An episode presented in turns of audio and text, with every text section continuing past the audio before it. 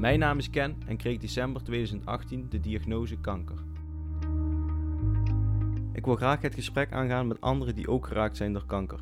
Ik hoop hiermee het onderwerp kanker wat makkelijker bespreekbaar te maken en anderen te kunnen helpen bij het omgaan met deze ziekte.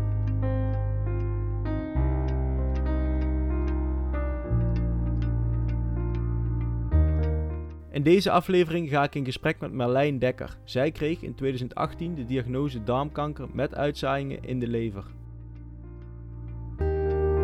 Welkom bij de podcast Kankerpraat.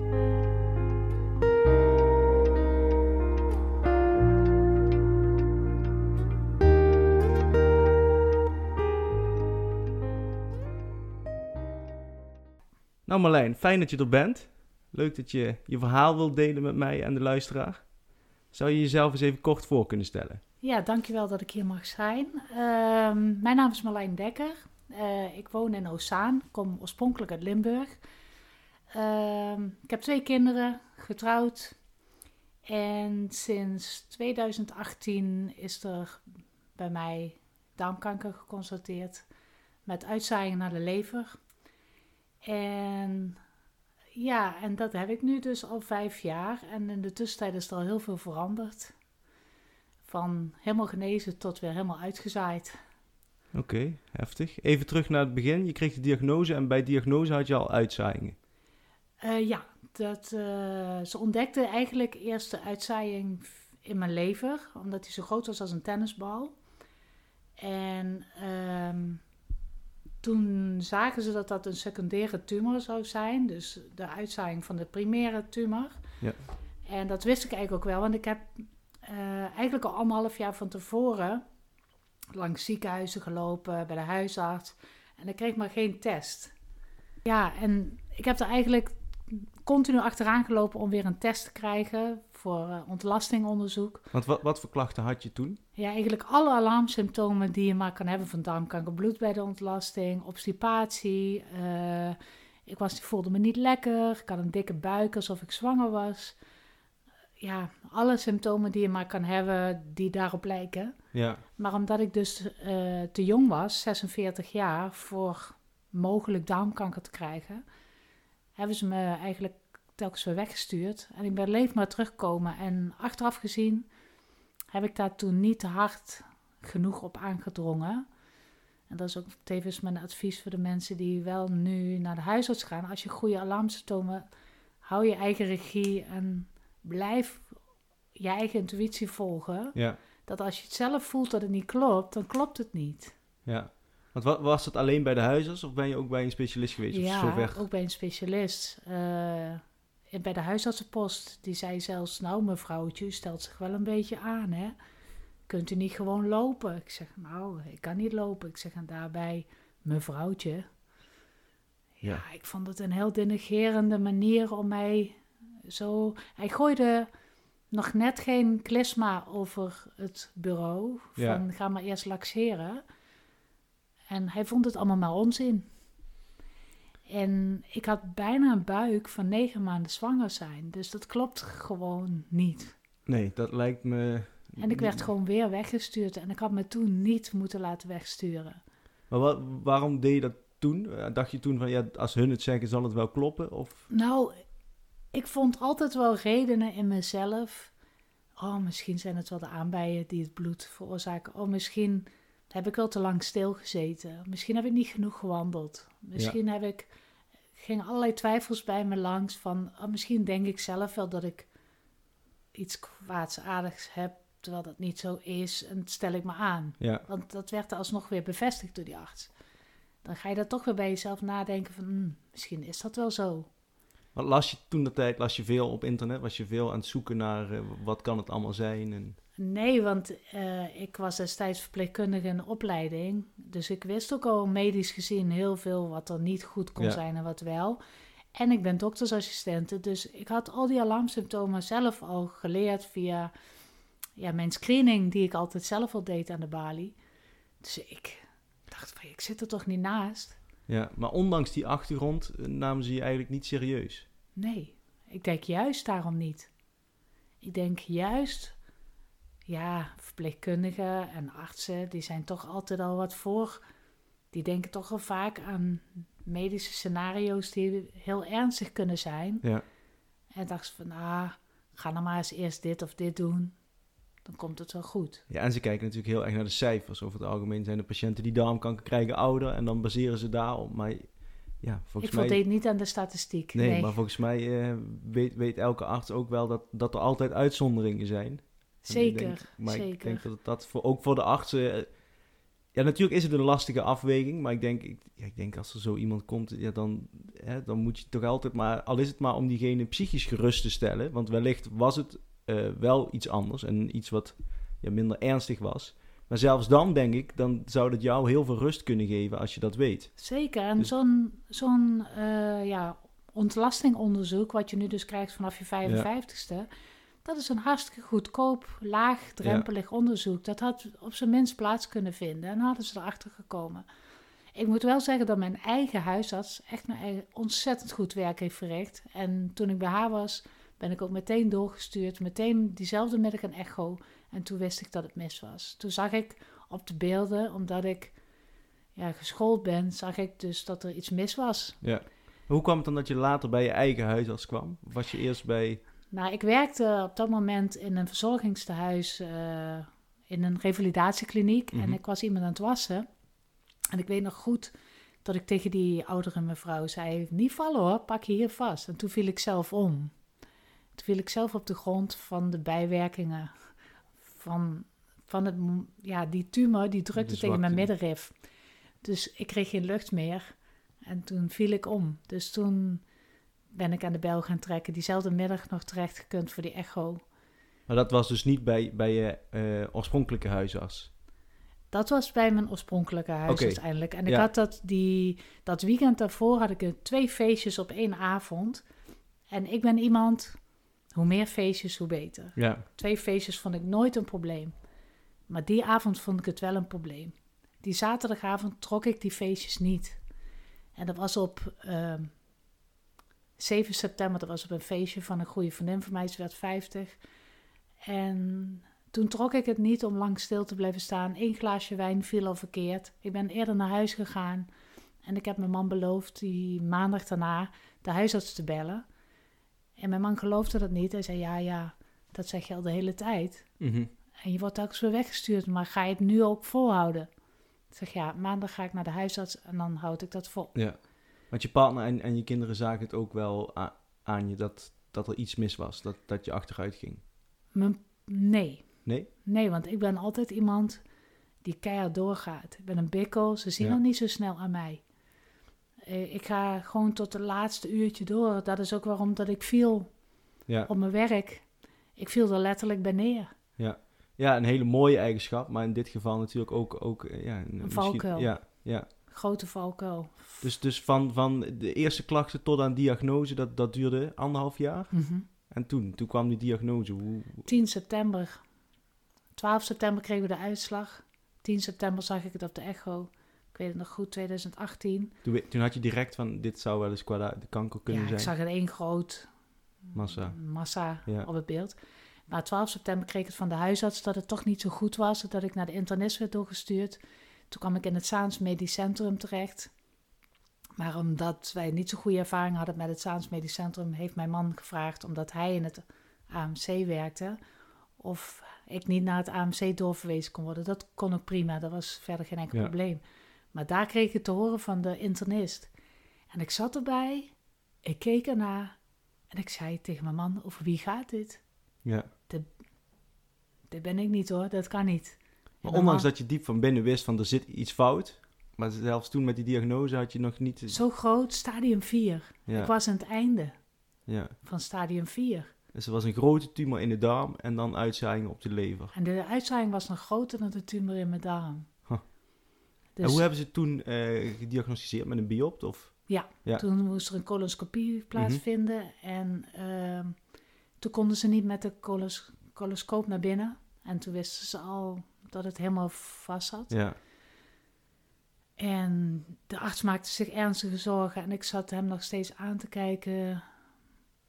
Ja, leuk, maar wat nu dan? Wat gaan we dan nu doen? Wat is het stappenplan? Meteen pragmatisch. Ja. Meteen schoot ik in een overlevingsmode, modus. En meteen dacht ik, oké, geef het plan maar, gaan we fixen. Ja, En mijn man zat naast me te huilen. Ik zei, waarom huil je nou? Ja dat hoor je nou? toch vaak bij patiënten, hè? dat ze direct in die, in die ehm, aanvalmodus gaan. Van, hé, laat, maar, laat maar gebeuren, ik, ik pak elke behandeling aan. En eh, dus dat er op dat moment nog totaal nul besef is van wat er speelt in je lichaam. Eigenlijk pas nu besef Ja, ik dat. Ja, Nu dat het al vijf jaar gaande is ja. en ik toch echt wel klachten, zware klachten heb, besef ik dat nu pas. ja was, was er op dat moment een, een, een behandelplan? Al? Zeker. Ja? Ik zou eerst, eh, nou, ik werd doorverwezen naar de Geoka in eh, Amsterdam. Toen werd het toch wel menus. Dat is een, de Geoka is echt een gang waar je niet wil zitten. Dat is een gang waar 55-plussers zitten en wanneer het echt fout is, wanneer je dus binnen vijf jaar kan overlijden, dan zit je daar. Oké, oh, daar heb ik nog nooit van gehoord. En dat is de maagdarm-lever afdeling. En als je daar zit, dan krijg je het hele prognoseverhaal, Mhm. hele traject. En ik dacht, nou, we gaan die tumor er even uithalen. Over drie maanden sta ik weer op straat. Nou, zegt die arts, tre- trek er maar een jaar vooruit en dan weten we het eigenlijk nog niet. Dat was een beetje, dus ik kreeg een klap in mijn gezicht. Ja. En ik dacht van, nou, we kunnen gewoon weer verder. Want ik was met de opleiding tot verpleegkundige, hbo-verpleegkundige bezig. Ik dacht, ik heb helemaal geen zin om te stoppen. Ik heb veel te druk. Veel te druk voor dit allemaal. Wat een onzin. Ja, maar dat, dat gevoel, dat eh, ja, weerspiegelt natuurlijk ook dat het besef op dat moment gewoon nog helemaal Nee. niet was. Nee, Want, dat- want ja, op dat moment met zo'n diagnose, als je het beseft, dan moet eigenlijk gewoon ook alles wijken. En dan moet je, de, ja, is het allerbelangrijkste in je leven op dat moment, is, is beter worden. En, en ja, focus op die ziekte. Maar ja, heel logisch natuurlijk dat, dat, ja, dat het besef dan niet direct is. Klopt, ja. Ga maar eens voor jezelf zorgen als je altijd voor anderen zorgt. Ja, ja. Ik denk dat verpleegkundigen, artsen, misschien in de medische groep wel het moeilijkste patiënten zijn. Die vinden het heel moeilijk om zorg uit te leveren. We doen het liever zelf. ja, dat geloof ik. Al denk ik ook wel weer op het moment dat ze daar uiteindelijk dan hopelijk van genezen, ehm, dat het zich ook weer heel veel brengt. In ervaring naar andere patiënten toe. Ze kunnen zich echt verplaatsen in, in de patiënt. Zeker. Want ik was natuurlijk in 2019 was ik volledig schoonverklaard. Ja, eerst e- even terug naar het behandelplan. Hoe zag het, hoe zag het eruit? Eh chemokuren, negen chemokuren zou ik eh, hebben. Volledig. Met alle gevaarlijke stoffen van dien. Met een heel groot kruis stond op die zak. Ik weet nog goed, hij was oranje. En dan loopt dat gif door je heen. En dan eh, denk je echt van, nou, daar staat op gevaarlijk. Nou, het loopt dan door je bloedvaat en denk je van, oké. En daarna dan zou de operatie plaatsvinden van de lever in eerste instantie. En daarna zou de darm aan de beurt zijn. Wil ze dan met die chemo eerst de tumor een beetje laten krimpen? Of wat was? Klopt. Hij is tot de helft gereduceerd. Toen konden ze opereren. Hij, de kuur deed het goed. Maar door de kuur zwol ook alles op. Mhm. Waardoor de afsluiting in mijn darmen nog meer werd. Waardoor ik een stoma moest hebben. Al voor de operatie. Al voor de operatie. Die is toen op een bepaalde plek gezet. Ik heb aangegeven, zet hem liever opzij, want er moet nog een leveroperatie gebeuren. Ook niet naar geluisterd. Ze hebben hem op de plek gezet waar de leveroperatie moest plaatsvinden.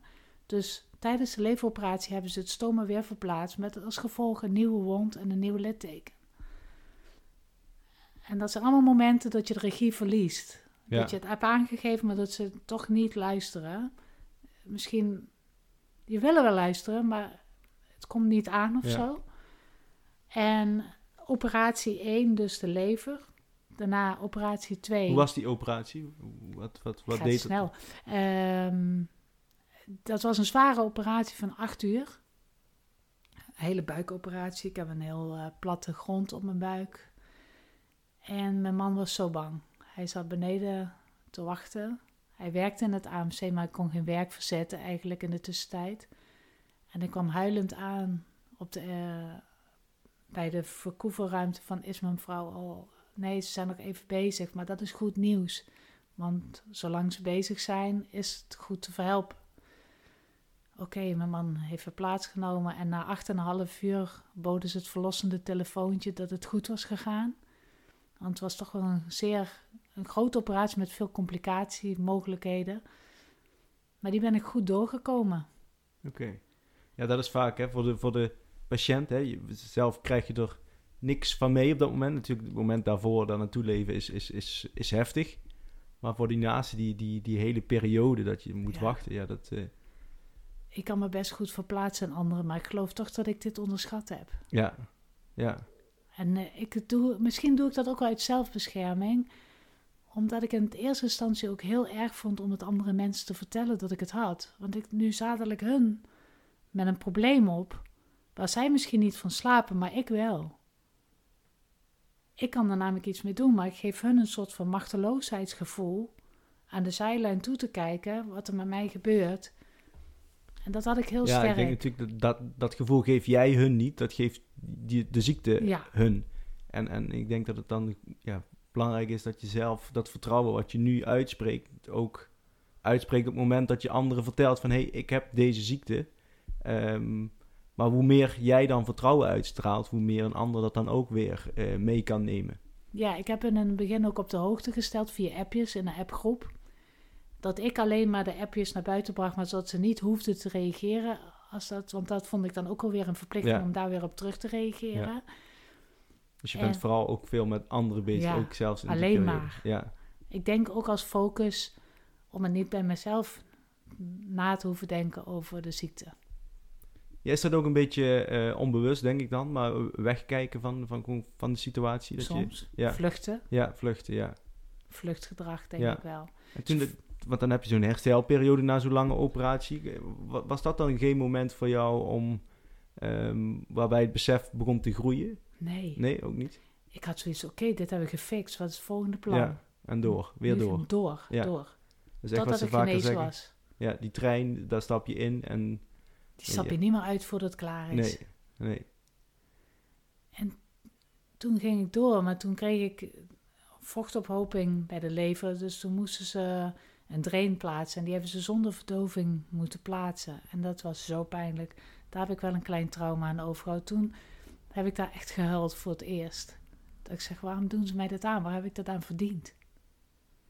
Ja, wa- was daar een reden voor zonder verdoving? Want ik heb zelf een aantal drains gehad in, in, in mijn leven, maar vaak toch wel met plaatselijke verdoving. Was even goed geen pretje, maar in ieder geval wel iets van verdoving. Maar de plaatselijke verdoving werkte niet, omdat ik net de dag daarvoor de narcose, twee dagen daarvoor de narcose had gehad van de open buik. En toen zeiden ze, dit kon wel eens zo zijn dat ik tot de plaatselijke verdoving dan niet kon werken. En toen zijn ze met die drain. Ja, en dat was geen pretje, want ik lag op een hele dunne plank. Ja, Of de brancard. Het is een trauma. eh, ja, het is een interactieve radiologische ruimte. En eh, de wond was nog vers. En ja, daar word je dan in gedraind, zeg maar. En via die, via die wond. ja, Ja? ja. Oké. En dat was even moeilijk. Dat was even slikken. En dan heb ik de handen vastgehouden van de verpleegkundige. Zelfs de verpleegkundige stond erbij te huilen. Ik zeg, ik ben een hele harde. Ik heb een enorme pijngrens, hoge pijngrens. Ik zeg, maar deze trek ik zelfs niet. Nee. En daarna moest ik voor het eerst echt huilen dat het tot me doordrong. Toen, Ja. ja. Ja, ja. Ik, inderdaad, ik, ik, ik, ik snap wat je bedoelt met die drains. En dat, ja, dat, dat lijkt vaak iets simpels, een slangetje te- ten opzichte van dan zo'n open buikoperatie. Maar dat valt echt tegen, hè? Ja, Ja. Ja, dat is lastig ook, ook om dat uit te leggen aan mensen die, die dat beeld niet voor zich hebben. Of ja, je, je vertelde, ik heb daar direct een beeld bij. En ik denk dat ik redelijk kan inschatten hoe je je op dat moment gevoeld hebt. Maar voor, een- ja, voor een buitenstaander is dat dan weer... Als je het heel zwart-wit bekijkt, dan denk je... Oh, eerst een open buikoperatie en daarna een drain. Ja, dat, dat weegt niet tegen elkaar op. Maar die drain zonder verdoving helemaal... Dat, ja, dat, dat maak je allemaal zo bewust mee. Ja, ik kreeg ook een soort van hyperventilatie, denk ik, daar. Een soort paniekaanval. Ja, die ik daarvoor niet had. Toen is mijn onbevangenheid onmiddellijk afgenomen. Want eigenlijk ging ik overal heel erg onbevangen in. En daarna is er toch wel een rem opgekomen. Toen heb ik ook... Toen ben ik nog bewuster voor mezelf opgekomen. En dat ze niet meer helemaal gingen lekprikken aan alle kanten. En maar gingen doen wat zij wilden. Toen heb ik duidelijk ook aangegeven, omdat ik met een onderzoek meedeed. Het Cairo-onderzoek. Wat heel fijn is en waardoor ik ook stappen vooruit ben gekomen. Dat mensen in het verleden aan een onderzoek Ja. hebben meegedaan. ja. Maar ik heb wel grenzen gesteld toen. Dus eigenlijk dat, dat, dat rotmoment heeft ook wel weer eh, voor de rest van het traject ook weer goede dingen gebracht. Van anders dan was je misschien nog langer doorgegaan op die onbevangen manier als je daarvoor deed. Ja, ik liet maar alles met me Ja. gebeuren. Doe maar. doe maar, is goed. En daar heb ik even een kanttekening bij, want ik kan voor mezelf opkomen. Maar er zijn genoeg oudere mensen, zo ook mijn schoonvader, die dat ook heeft moeten meemaken. Maar die, voor die generatie van 80 jaar zijn mensen met een witte jas, staan op een hoger podium en die durven daar niet tegen in te gaan. Dus ik wil graag als advies ook meegeven aan deze mensen om iemand mee te nemen naast je partner, een jonger iemand, die wel voor de andere Ja, kan opkomen. ja. Ja, en, en, ja maar het, is, het, het blijft altijd lastig als je nieuw bent in, de- in de medische wereld, Ja. zeg maar. En op het moment dat je daar een, een aantal jaren in meeloopt eh, als patiënt, ja, dan, dan leer je vanzelf voor jezelf opkomen en je grenzen aangeven. Dat heeft natuurlijk ook tijd nodig, maar dat neemt niet weg dat degene die hier nu naar luistert, ja, zich dit kan realiseren op het moment dat, dat, dat hem of haar zelf iets overkomt. Ik denk dat het hetzelfde is, maar dan een negatieve ervaring. Met als je nog geen kind hebt en wel een kind hebt. Je kan je als geen ouder bent, kan je niet voorstellen dat je wel ouder bent. Ja, En eh, hopelijk eh, hoeft niet iedereen dat te ervaren door het te krijgen, maar door misschien aan te nemen van degene die het wel heeft gehad, dat je altijd, ehm, als je naar zo'n huisarts of naar zo'n oncoloog toe gaat, je lichtelijk voorbereidt op wat er gaat komen. Want ik heb tot nu toe zoveel gesprekken met de oncoloog gehad en geen enkel gesprek verliep zoals ik dacht dat het zou verlopen. ja, Ik had Ja. altijd vragen bij me, maar altijd was er een twist. Ja, ja dat, dat, dat, dat herken ik zeker wel. Maar ehm, ja, kun je die twist voorkomen, denk je dan? Dat denk ik niet. Nee. En ik denk dat dat even maar, ja, ga wel voorbereid, maar wees ook voorbereid dat het Dat- anders kan ja. zijn dan dat je Ja. bent voorbereid. Ja, ik denk dat het daarom heel belangrijk is dat, dat mensen zoals jij en ja, de ervaringen delen. Want hoe meer hè, een, een, een leek, om het zo maar te zeggen, en hoe meer die eh, voorbereid zoiets aan kunnen gaan. Hopelijk hoeven ze het nooit aan te gaan.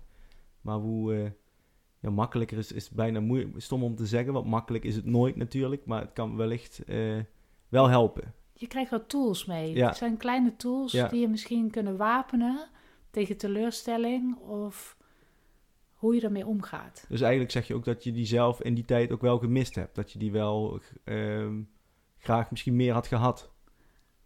Aan de ene kant ja, en aan de andere kant was mijn onbevangenheid ook de sleutel tot actie. Ja, ja, En dat is heel dubbel. Ja, het blijft heel dubbel. ja. En, en eh, even verder naar de volgende stap. Wat, wat, wat was de volgende actie eh, nadat je hersteld was van die, van die grote Ja, levertransplantatie? toen, toen, Of kreeg ik dus, toen kreeg ik dus die dikke buik. Eh huisarts kwam langs, moest naar het ziekenhuis, naar de huisartsenpost. Werd ik acuut geopereerd voor mijn stoma. Toen kreeg ik voor het eerst een stoma. Dat vond ik heel erg in het begin. Maar fijn, het was levensreddend. Ehm, even later, in diezelfde week, was ik een weekendje in Limburg. En toen heb ik per ongeluk iets gegeten wat het stoma verstopte. Moest ik weer terug naar het ziekenhuis. Werd ik daar uitgescholden door de stoma-verpleegkundige dat ik stom was dat ik dat had gegeten. Want ik had toch instructies meegekregen. En wat, wat is dat dan? Wat, wat mag je bijvoorbeeld absoluut niet eten als je het moment... Sla, Ja? een soort verstopping, andijvie, Oké. eh rauwe groenten. Het is een soort afvoerputje, zeg maar, wat verstopt raakt door Ja. sliertjes. Taugé, allemaal dat soort dingen mocht je niet eten. Maar omdat ik van de verpleegkundige hoorde dat ik dat niet mocht eten, zei de arts, jawel hoor, de poort zit op de juiste plek, je kan gewoon alles eten. Dus ik ben eigenlijk uitgegaan van het advies van de arts. Nou, in dezelfde week zat ik dus weer, op eh, zat ik weer in het ziekenhuis. Toen hebben ze dat moeten ontstoppen. En eh, ja, die ervaring was niet fijn. Heb ik prima uitgepraat met de stoma-verpleegkundige. Dat is allemaal keurig in orde gegaan. Die ervaring die is oké nu. Eh, nieuws, dat werd hersteld, dus dat was goed. Daarna kreeg ik de darmoperatie. Toen werd de Hoeveel tijd zit daartussen? Lever- en darmoperatie? Oktober, februari. Oké. Februari werd ik geopereerd aan mijn eh, darm. Had je het gevoel dat je hersteld was van, van die leveroperatie? Even kijken, wacht, ik zit heel even fout. November. Eh, oktober, november. Mijn excuus, want in 2019 was ik volledig hersteld daarna. November 2019 Oké. Sorry. Dus, dus, dus je was voor je gevoel ook, ook wel hersteld voor, of klaar voor die darmoperatie? Eh, ja, Ja. want ik had een hele goede conditie. Ik was namelijk datzelfde jaar, in januari ben ik naar Santiago de Compostela gelopen. Alsof het niets was. Ik heb gewoon in drie weken tijd heb ik bijna 600 kilometer gelopen. En in datzelfde jaar kreeg ik kanker. Daarom was het ook zo onvoorstelbaar dat dat mij betrof, omdat ik zo gezond was. En dat hoor ik van meerdere mensen die kanker krijgen. Hoe kan dat? Ik sport veel, ik loop veel, ik drink niet te veel, ik rook niet. Hoor ik van meerdere. Ja. Maar het is pech.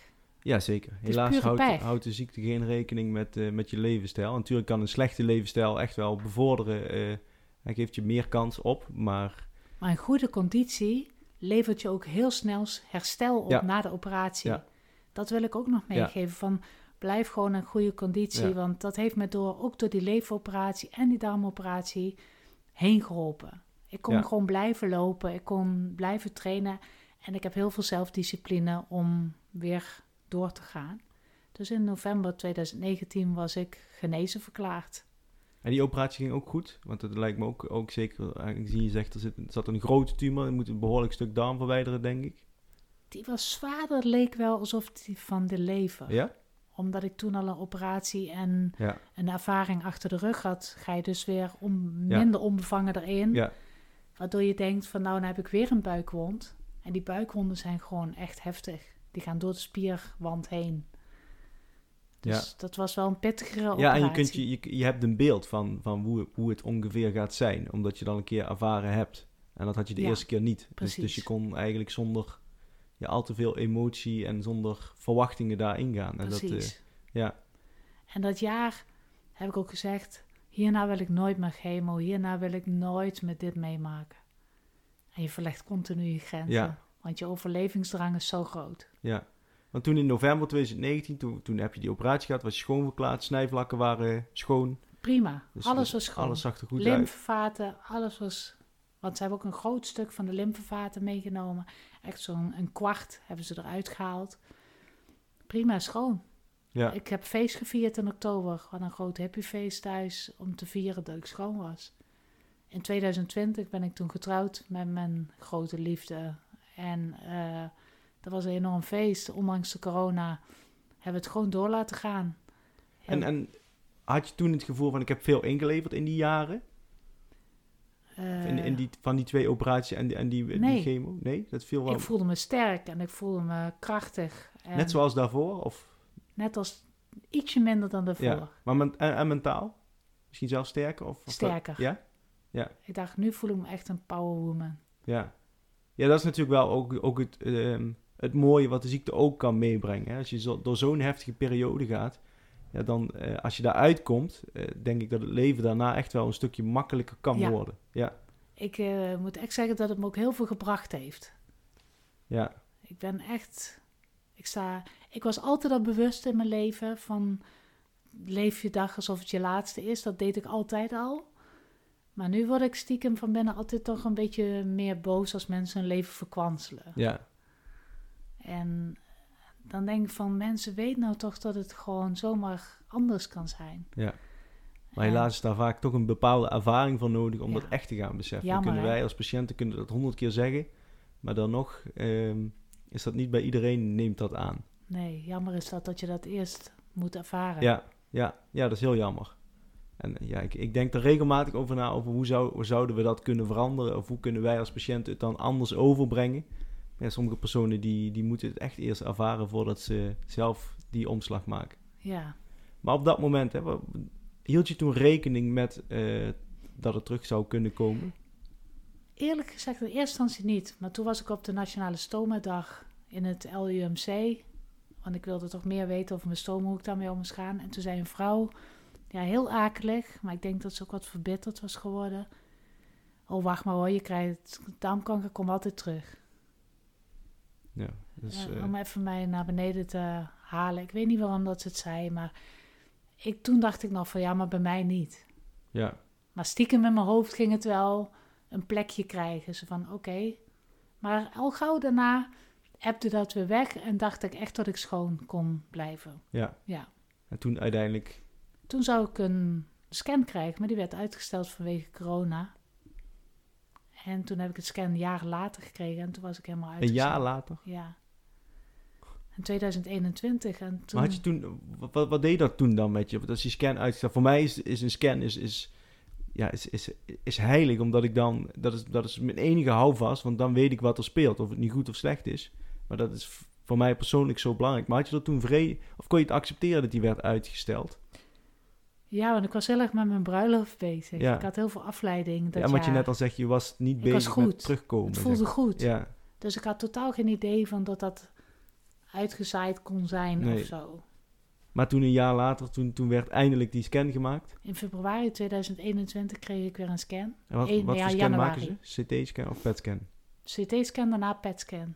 Om alsnog weer duidelijkheid te krijgen. Het zou dan duidelijker in beeld komen waar. En toen had ik al drie plekken op mijn longen. En een aantal plekken in mijn darm. In mijn buikrolte. Niks. Hoe voelde je het toen? Had je niet het idee van ik, ik, ik ga weer achteruit of ik heb weer meer klachten of ook geen... Toen kreeg ik wel weer meer klachten. Want ik had altijd al pijn in mijn zitbotje. Ik kon niet zo lang zitten. Mhm. En dat is dus in de sacrale massa. Dat is in het bekken, de bekkenkom. Ja. Daar zitten de uitzaaiingen en die drukte op bepaalde zenuwen. Dus ik had al enigszins last van een gevoelig, gevoelloosheid of een extra prikkeling in mijn been. Dus ik ben je daar toen niet mee naar de dokter gegaan? Of had je toen niet zo van, ik wil dan toch die scan omdat ik iets voel? Ik ja, heb ik diverse malen op Ja. aangedrongen. Maar ze zei, ja, ik, het kan niet eerder, want alle ziekenhuizen laten het niet voorgaan. En omdat ik eh, niet gevaccineerd was en niet gevaccineerd wilde worden, kreeg ik dus ook geen plekje daar. Ja. En dat was een bewuste keuze om niet te vaccineren? Ja, Ook na, op eh, zeg verschillende maar... manieren wel. Ja, Ook omdat ik gewoon dacht van, nou ja, ja, eh, omdat het gewoon bewust was. Maar ook omdat ik, ja, dat gewoon niet hoefde. ja. En had je het idee dat die keuze dus niet echt gerespecteerd werd door de nee, die werd niet helemaal echt gerespecteerd. Ja, maar jij behoort tot een risicogroep. Ik zeg, ja, maar het feit dat ik al uitzaaiing heb, dat maakt mij niet nog erg angstiger voor corona. Ik ben eerder bang dat ik aan kanker doodga aan corona. Ja, En ik kan die extra vaccinatie er nu gewoon niet bij hebben. Voor, ook voor mijn eh, immuniteit en zo. Het is redelijk laag. Dus eh, doen we nu niet. Heb ik eh, bewust voor gekozen. En, eh, maar in toen kreeg ik dus wel een scan. Deden ze later ook niet moeilijk meer over. Heb ik in januari 2021 een scan gekregen. En eh, toen was het mis. En ik ben ook nooit vaak lustig geweest of gevoelig voor ah, die stomme corona dit helemaal niet. nee. Helemaal niet. Is- Ik heb gewoon altijd wel het gevoel dat iets met een reden komt. Het heeft allemaal een reden, voor mijn gevoel. Ja, ja dat, dat, dat En ik geloof heb ik. En altijd in mijn achterhoofd geweten dat het niet voorbij was. Stiekem. ja. Dus Rekening mee hoe, gehouden. hoe, kwam, hoe kwam dat bericht binnen toen? Oh ja, ik wist het wel. Ja, had je, had je toen ehm, weer, net als bij die eerste keer, dat onbevangen van eh, dat je direct een plan wilde en direct... Nee, nee, dat was toch wel anders? Toen dacht ik van, oh nee, ja, moeten we weer in de chemokuur? Oh mijn god, welke zal het nu zijn? Nu kwamen er allemaal beren op de weg. Ja. En was, was dat toen een boodschap met van dit, dit betekent eh, palliatieve fase? Of zat er toen nog ergens iets van hoop van we krijgen dit nog weg met wat dan ook? Nee. Nee. Nee. We hebben een aantal kuren nog voor u, mevrouw, maar u moet wel weten dat u niet meer te genezen bent. En toen dacht ik nog van, oh, dan kan het misschien nog een chronische ziekte worden. Dan vinden ze daar vast wel iets waar ik een pilletje voor krijg. En dan kan ik Ja. gewoon als chronische ziekte ook weer door. Ja, En dat denk ik eigenlijk stiekem nog steeds. Omdat Ja. ik nog steeds niet bij die 95% hoor die hartstikke ziek is en doodgaat. Tenminste, zo zie ik er niet uit nu. En nog steeds plannen maak voor de toekomst. Ook al heb ik die in het afgelopen jaar helemaal... dacht ik echt wel dat ik ging. Afgelopen jaar, 2022, was een ernstig jaar. Maar nu ben ik juist weer vol toekomst. ja? Ja, Dat vind ik, vind ik knap. Leef je ook wel echt in het moment? nu zeker. Ja. Ja, alhoewel dat ik nu dit jaar drie vakanties in het vooruitschiet heb. Haal Dus je durft wel echt te plannen voor... voor een jaar. Ja? Alleen dit jaar. Ja. ja. Verder. Nee. En alleen maar leuke dingen. Dus verjaardagen vind ik soms moeilijk. Van besteed ik daar mijn energie aan? Bij wie is het? Eh, klinkt misschien rot, maar ik weeg heel erg af van hoeveel dagen moet ik daarvoor boeten. Ja. Eh, ja, maar ik denk dat dat heel normaal is. En ik denk dat mensen om je heen ook niet zouden willen dat jij ehm, ja, je energie opgeeft voor een aantal dagen voor hun. Als, terwijl je misschien niet direct altijd die behoefte hebt daaraan. Nee, daar ben ik selectief in geworden Ja. naar mijn energie. Ik heb afgelopen eh, februari hebben we de boegenbruiloft gevierd in Venlo. En dat was een topdag. Ik heb alles gegeven tot het naadje. Om zeven uur viel ik wat dood op in, in het hotelkamer. Maar we hebben alles gegeven. En dat, daar heb ik dan een aantal dagen boete voor over. En nadat je er hebt voor moeten boeten en als je er dan op terugkijkt, was het dan nog steeds dat waard? Zeker. Ja? Ja? Oh ja dan, de dan, carnaval is voor mij alles. Ja, dan het de toch- vastelovend is voor mij echt alles. En dat ik dat zomaar... En ik heb ook gezegd, zeg jongens, als ik het jaar niet red, doe het dan via de wensambulance. ja, Dat ik dan Ja. heel veel op mijn brancard nog bij kan zijn. ja. ja, ik denk dat dat ook heel belangrijk is. Hè. Als je er dan voor moet boeten, dat je, dan, dat je het waard vindt. Want Ja. Ik, ja, ik neem aan, tenminste ik zelf heb ook wel eens moeten boeten van iets dat ik dacht van ja, als ik daar nou op terugkijk, had ik dat gewoon ook niet moeten doen. Dan, dan dat was het voor mij niet waard, hoe slecht ik me daarna gevoeld heb. Er zijn wel dingen die ik Ja. niet had moeten doen. Nee, maar ja, dat, dat hoort er ook bij. Hè. Dat, dat, dat, ja, dat zorgt er wel weer voor dat je de keer erop ehm, die keuze wel nog bewuster maakt en daarom dingen gaat afwegen. Ja, toen ik gisteren op de Vancouver zei dat ik vandaag een podcast ging opnemen in Limburg. toen verklaarden ze me daar ook zo wat voor gek. Nu lig je hier. Je gaat eh, daar de operatie in. En eh, dan ga je morgen weer een podcast opnemen. Toen keken ze mij aan van, Ja, je bent niet vertel eens goed. voor de luisteraar, wat, wat hebben ze gisteren eh, gedaan? Ze hebben gisteren weer een lijn.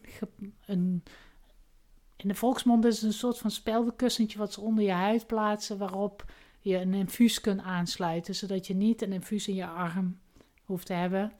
Omdat chemokuren, als die via je aderen gaan, dan gaan je aderen enorm van stuk. Ja. Dus ik heb ervoor gekozen. Er zijn twee mogelijkheden. Dat is een piklijn. En die wordt zeg maar in je arm geplaatst of in je hals.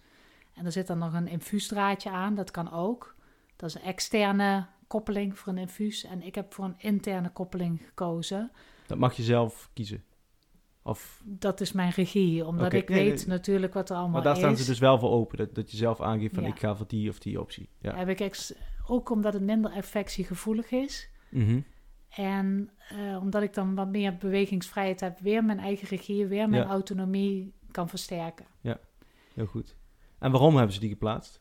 Eh, ik start of eind deze week weer met de kuur waar ik mee begonnen ben in het eerste jaar van mijn eh, kankerprocedure.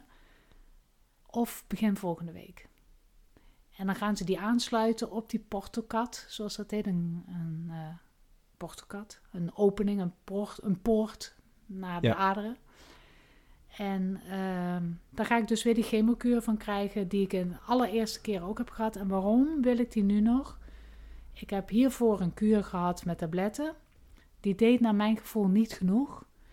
Mijn bekkenbodem is inmiddels gevoelloos geworden, omdat de uitzaaiingen op een enorme zenuw drukken. Die drukte ook op de zenuw in mijn been, maar daar heb ik onlangs een morfinepomp voor gekregen die die zenuw blokkeert in mijn ruggenmerg. Dus die is nu geblokkeerd en die, daar heb ik nu geen pijn meer van. Maar inmiddels drukt ook die massa in mijn buik op een andere zenuw, waardoor het gevoel weg is. Net zoals dat je bij de tandarts, als je naar de tandarts gaat en er wel tinteling is in je kin, maar nog niet helemaal Ja. weg is. Ja. Dat gevoel heb ik in mijn bekken. En ik hoop dat deze heftige kuur, dat die kortsluiting weg is. Want de eerste keer heeft hij natuurlijk ook een mooi resultaat. Hè? Alvering op de lever, wat je zei. En Precies, en ik hoop eigenlijk dat datzelfde resultaat nu geboekt wordt. Zodat ik... En zeggen ze meer- daar iets over? Is dat mogelijk dat die twee keer hetzelfde resultaat is? Het is natuurlijk weer een... eh, het is dezelfde soort kanker, maar het is natuurlijk wel weer een nieuwe tumor. Hè, het zijn die uitzaaiingen die nu behandeld worden, die zaten er toen niet. Jawel, die zaten er toen wel, maar die waren minuscuul klein. Dat was nog van dezelfde tumor. Die hebben ze, toen leek het schoon. Maar die kunnen zo klein zijn in de lymfevaten dat ze ze toen niet hebben kunnen zien. En la, ja, later wel. Ja. Maar die hebben toen waarschijnlijk nog niet eh, die chemotherapie opgenomen, waarschijnlijk. Of wel? Ze kunnen zo klein zijn dat ze toen nog niet gevoelig... Dat, Ja. ja, ze hebben zich eerst moeten vermenigvuldigen, vermoed ik, voordat ze inderdaad die chemokuur konden oppakken. Ja. In ieder geval hopen dan dat ze nu eh, nog steeds gevoelig zijn en, en die chemo nog niet kennen en herkennen in, in het lichaam. Ik heb een heilig vertrouwen erin dat dat zo is. Nou, dat Op is- een of andere manier heb ik een idee dat die tumor nu denkt dat het afgelopen is met al die chemokuren. En dat we nu even een volle aanval tumor gaan denkt, we geven. hebben gewonnen, maar dat je nu een klap gaat uitdelen. Ja, Ja, We gaan nu nog even een Ja. mooi. attack stap, uitvoeren. stap 1 om, denk ik, om, om zo die kuur in te gaan. ja. Ja. Ben je wel eens bezig met hoe lang je nog hebt? Mhm. Ja, veel? Ik ben heel flink, maar s'avonds huil ik net zo goed en ik ben even goed bang. Ja. En praat je daarover? Ja, thuis met eh, mijn naasten. We hebben het er ook. Ik heb zelfs al een verdeling gemaakt van mijn spullen. We hebben het over de crematie gehad, hoe ik dat wil. Ja. En dan zetten we het weer even in de koeling. En dan Ja. ga ik weer verder. En dan hebben we het er weer even over. Als je dat allemaal hebt geregeld en besproken? Ja, bijvoorbeeld gisteravond heb ik het er nog even met mijn man over gehad. Over bepaalde spullen die hij graag zou willen houden. En ja, en dan is hij gerust dat, dat ik dat weet. Ja. En dat, Dat, hij weet hoe het en zit? dat ik dat heb besproken met mijn kinderen en dat dat oké is. Ja, Dat er dadelijk geen gewoon oneenigheid tussen komt. En voor mij is het fijn om te weten naar wat wie gaat en dat die daar rust bij vinden. ja, ja. En heb je wel eens de artsen gevraagd van hoe lang denken jullie Ja. dat ik nog... Ja? Maar dat zeggen ze niet. Nee? Ik zeg, wat voor prognose heb ik? Ja, maar mevrouw, menigeen zit er met deze tumor niet zo bij. U hebt al vijf jaar gewonnen, u zit al in de reservetijd. Ja. Zo zeggen ze het wel. En, Ze durven daar geen tijd aan maar de tumor is totaal niet agressief, zeggen ze dan tegen mij. En hoe je de andere kuren hebt doorlopen en hoe je er nu bij bent en hoe vet je bent, zegt ook iets over hoe je het proces doorloopt en hoe lang dat je het zelf nog kan Ja. rekken. Oftewel door positieve energie. En dan zeg ik er niet bij dat mensen die dat niet halen geen positieve Nee. energie hebben. Want dat vind ik altijd heel Ja. gevaarlijk. Hè? Heel goed, ja. Ik vind mezelf ook geen vechter. Dit is mijn proces en hier ga ik op deze manier mee om. En de mensen die gegaan zijn, hebben hun eigen proces gehad en gaan er op die manier mee om. Ja. En soms heb je de pech dat het lukt en soms heb je de pech dat het niet lukt. Ja, ik vind ook altijd, dan hoor je vaak mensen zeggen van ze hebben de strijd verloren of zo, maar dat vind ik geen, absoluut geen, eh, Het is geen strijd. nee, nee. Ja, in zekere zin is het een strijd, maar het is niet dat het aan de persoon ligt of je die verliest Nee. of wint. Nee, dat dat is, vind ik dat- zo onaardig. Ja, ja, nee, ik hou vind ik zo van. gevaarlijk ook. Alsof die mensen die overleden zijn, die strijd niet hebben Ja, geleverd. ja, precies. Ja, Ik, eh, iedereen heeft zijn eigen proces. Iedereen heeft zijn eigen proces. En het is ook mijn geloof, denk ik, in, in Maria. Kaarsjes aansteken. Mhm. Mijn ontzettende positieve inslag, die het mij lukt om er een heel mooi leven van te maken. Want dat gaat erom van, hoe ga ik ermee om? En niet wat mij is overkomen, maar hoe ga ik Ja, met wat datgene wat mij overkomen is om? Dat maakt dat mijn leven makkelijker wordt. Maar dat zegt niks of het proces eerder eindigt of, nee, of nee dat, dat denk ik ook niet. Maar als je het wel zou weten, hè, stel de dokter zegt wel tegen je van, hé, hey, we denken dat je nog twee jaar hebt. Ben je dan niet bang dat je er naartoe gaat leven? Ja, Ja, ja, dat heb ik nu al een beetje in mijn hoofd. ja, Want ik had, toen ik afgelopen jaar zoveel pijn had, ik zeg voor mij hoeft het niet meer. Echt niet. Deze kwaliteit van, ik lag alleen maar op de bank. Ik, uren op het toilet, weer naar de bank. Pijn, pijn, pijn. Ik heb 400 microgram per uur aan fentanyl gehad om de pijn te stillen en nog deed het pijn. En toen dacht ik van nee, als het maar zo je zit hier wel weer. En je zit, ja, dit is toch waanzinnig wat je al allemaal hebt meegemaakt, maar, maar ook hoe je je daar doorheen hebt ehm, ja, geworsteld en, en dan nu wel weer zit. Terwijl je eigenlijk, ja, wat je net al zegt, afgelopen jaar al, al momenten hebt gehad dat je dacht van, dit was het. Ja, Ja, intens dankbaar ben ik er ook voor. En die nacht dat mijn man opbelde naar 112, dat weet ik nog zo goed. Kunnen jullie niks doen? Nee, mevrouw, uw vrouw heeft al de hoogste dosering aan fentanyl. Wij kunnen niks doen. Toen moest ik bij mezelf helemaal terug in mijn hoofd naar het systeem wat ik zelf had bedacht om weer tot rust te komen. Want ik was aan het hyperventileren van de pijn. En voor mij gold toen onder een warme douche, pijnstilling en op de ademhaling letten. Die volgorde. En dan kom ik er doorheen. Dat was gewoon mijn focus. Ga jij maar slapen En dat is heel moeilijk, hè? Omdat ik, Ja. ga jij maar slapen. Dit is mijn proces. Ik moet hier... Want hoe zieliger jij het voor me vindt, Hoe lastiger. hoe erger ik in die pijn ga. Ja. En hoe meer stress ik daarvan krijg. Waardoor ik weer uit dat ritme ging. Dus ik zei, jij gaat slapen. Ik ga nu in deze focus. En morgen bellen we de pijnpolie. Wat, hoe nu verder. ja. En dat is gelukt, die nacht. En geeft je dat ook vertrouwen dat ehm, de uiteindelijke dood en de fase daar naartoe ehm, ook goed zal verlopen? Zorgt het ervoor dat je daar minder bang voor bent? In eerste instantie dacht ik van wel. Maar in die week dat ik moest afkicken, toen ze die morfinepomp hadden geplaatst, moest ik dus gaan afkicken van de morfine. Mhm. Toen heb ik hallucinaties gehad en waanbeelden. En dat een heel bos me bij de keel greep, want ik had een kamer aan het bos. En ik deed de gordijnen open en die boomstronk, die greep me bij mijn keel. Dat was gewoon een waanbeeld, een hallucinatie. Maar, en ik werd in een diep zwart gat ge- getrokken, van je moet nu gaan. En toen heb ik keihard teruggetrokken. Nee, dit is niet mijn moment. Ik ga nu niet. En dat heeft mij heel bang gemaakt toen voor de dood. Ja. En toen heb ik een, ben ik naar stichting, toen heb ik naar de huisarts gebeld of ik een afspraak kon krijgen met de psycholoog, omdat ik van die angst af wilde. En toen heb ik via Stichting Aan het Water, dat is een inloophuis in eh Katwoude, Mhm. bij ons in de buurt. Daar ben ik nu onder behandeling van een psycholoog. En die heeft mij zo goed geholpen nu al, dat ik van die angst af ben. En dat ik weer s'nachts kan slapen zonder medicijnen. Want door de morfine kreeg ik gewoon geen adem meer s'nachts. En dacht ik soms dat ik stikte. Ja. En dat was zo'n nare ervaring. Paniek. Die, die bracht me echt van, ja, maar als ik dan straks dood ga, gaat het dan op diezelfde manier? En dat heb ik nu gelukkig niet meer. Dus nu, nu heb ik dat weer geparkeerd. Ja. Ja, ik hoop, ik hoop vooral dat de luisteraar iets mee kan nemen van jouw positiviteit. En ook eh, kan realiseren dat ook in, in, in dit soort heftige periodes, dat, ook daar, dat je daar weer uit kunt komen. Hè, dat, dat, dat is natuurlijk niet altijd zo. hè. Uiteindelijk eh, ja, weten we helaas dat er een, een einde is. Maar dat het wel kan. En dat, dat, ik denk dat dat heel mooi... eh, Als je wil, Ja. als je heel sterk wil, dan kan er heel veel.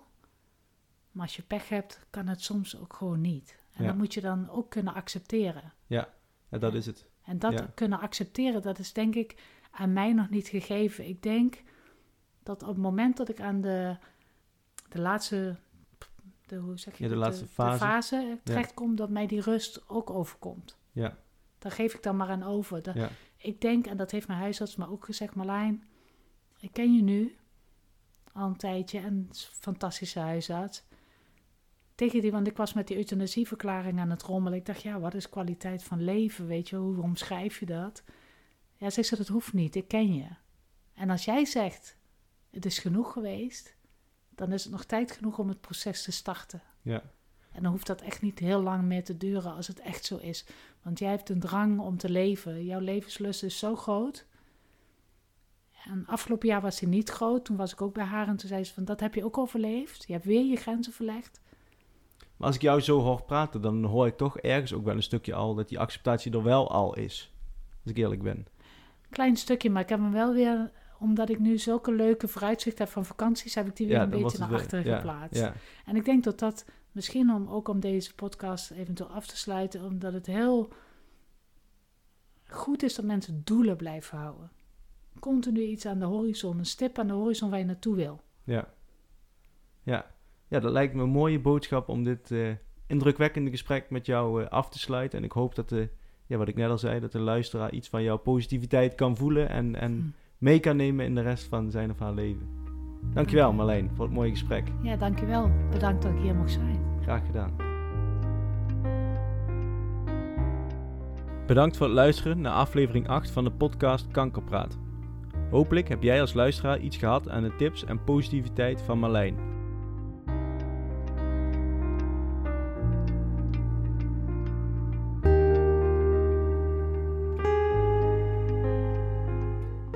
Mocht je zelf graag je verhaal willen delen, heb je een vraag of opmerking of wil je meer weten over de stichting? Kijk dan op kankerpraat.nl of mail naar ken.kankerpraat.nl.